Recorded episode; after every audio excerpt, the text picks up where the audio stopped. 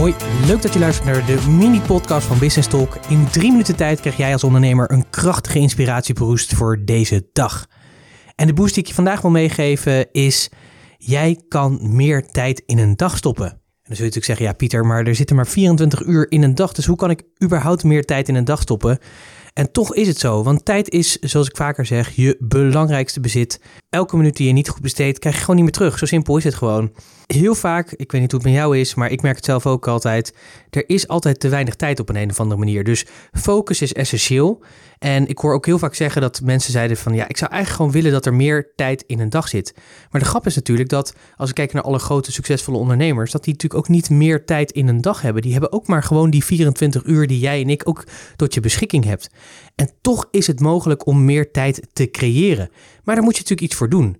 Ik heb even uitgerekend, stel je voor dat je er nou voor kiest om een uur eerder je bed uit te gaan. Als je dat zeven dagen in de week doet, heb je zeven uur in de week meer te besteden. Zeven uur in de week.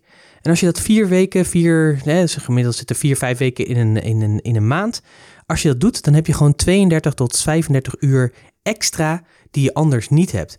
En als je nou geen ochtendmens bent, dan kun je natuurlijk ook voor kiezen om een avondmens te zijn en een uur later naar bed te gaan en die tijd effectief te besteden. En zo zie je maar weer, als je dat dus doet, dan is dat gewoon een bijna een volle werkweek die je in de maand extra hebt ten opzichte van al die anderen die dat niet doen. En moet jij eens nagaan wat jij, als je elke maand gewoon een week extra hebt, dat betekent gewoon dat je 12 weken extra hebt in een jaar. Dat is ongelooflijk. En bedenk eens ook wat je daarmee kan doen. En daarnaast is het natuurlijk belangrijk om die focus te hebben en ook je rituelen te hebben. Bijvoorbeeld, een van mijn rituelen is dat ik ochtends niet voor half twaalf mijn mail open. Zodat ik niet word ingezogen in allerlei problematieken en dingen waar ik ja, afgeleid word zeg maar, van de doelen die ik in die dag wil halen.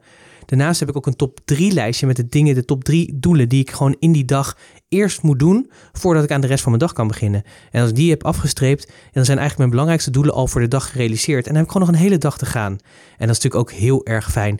En een ander ding wat ik niet doe en wat ik je mee wil geven, is om over na te denken. Ik heb bijvoorbeeld voor half tien geen afspraken staan. En die tijd die ik daarvoor heb, van half negen tot half tien, of van acht tot half tien, of van zeven tot half tien, dat is gewoon mijn tijd die ik goed kan inzetten. Kortom, je hebt dus meer tijd en ja, je kunt dus meer tijd creëren. Ik zou zeggen, denk eens erover na. Hoe kun jij meer tijd creëren? Kou daar eens op en neem natuurlijk vooral die actie, want zonder actie geen resultaat. Ik spreek je graag weer morgen. Tot morgen.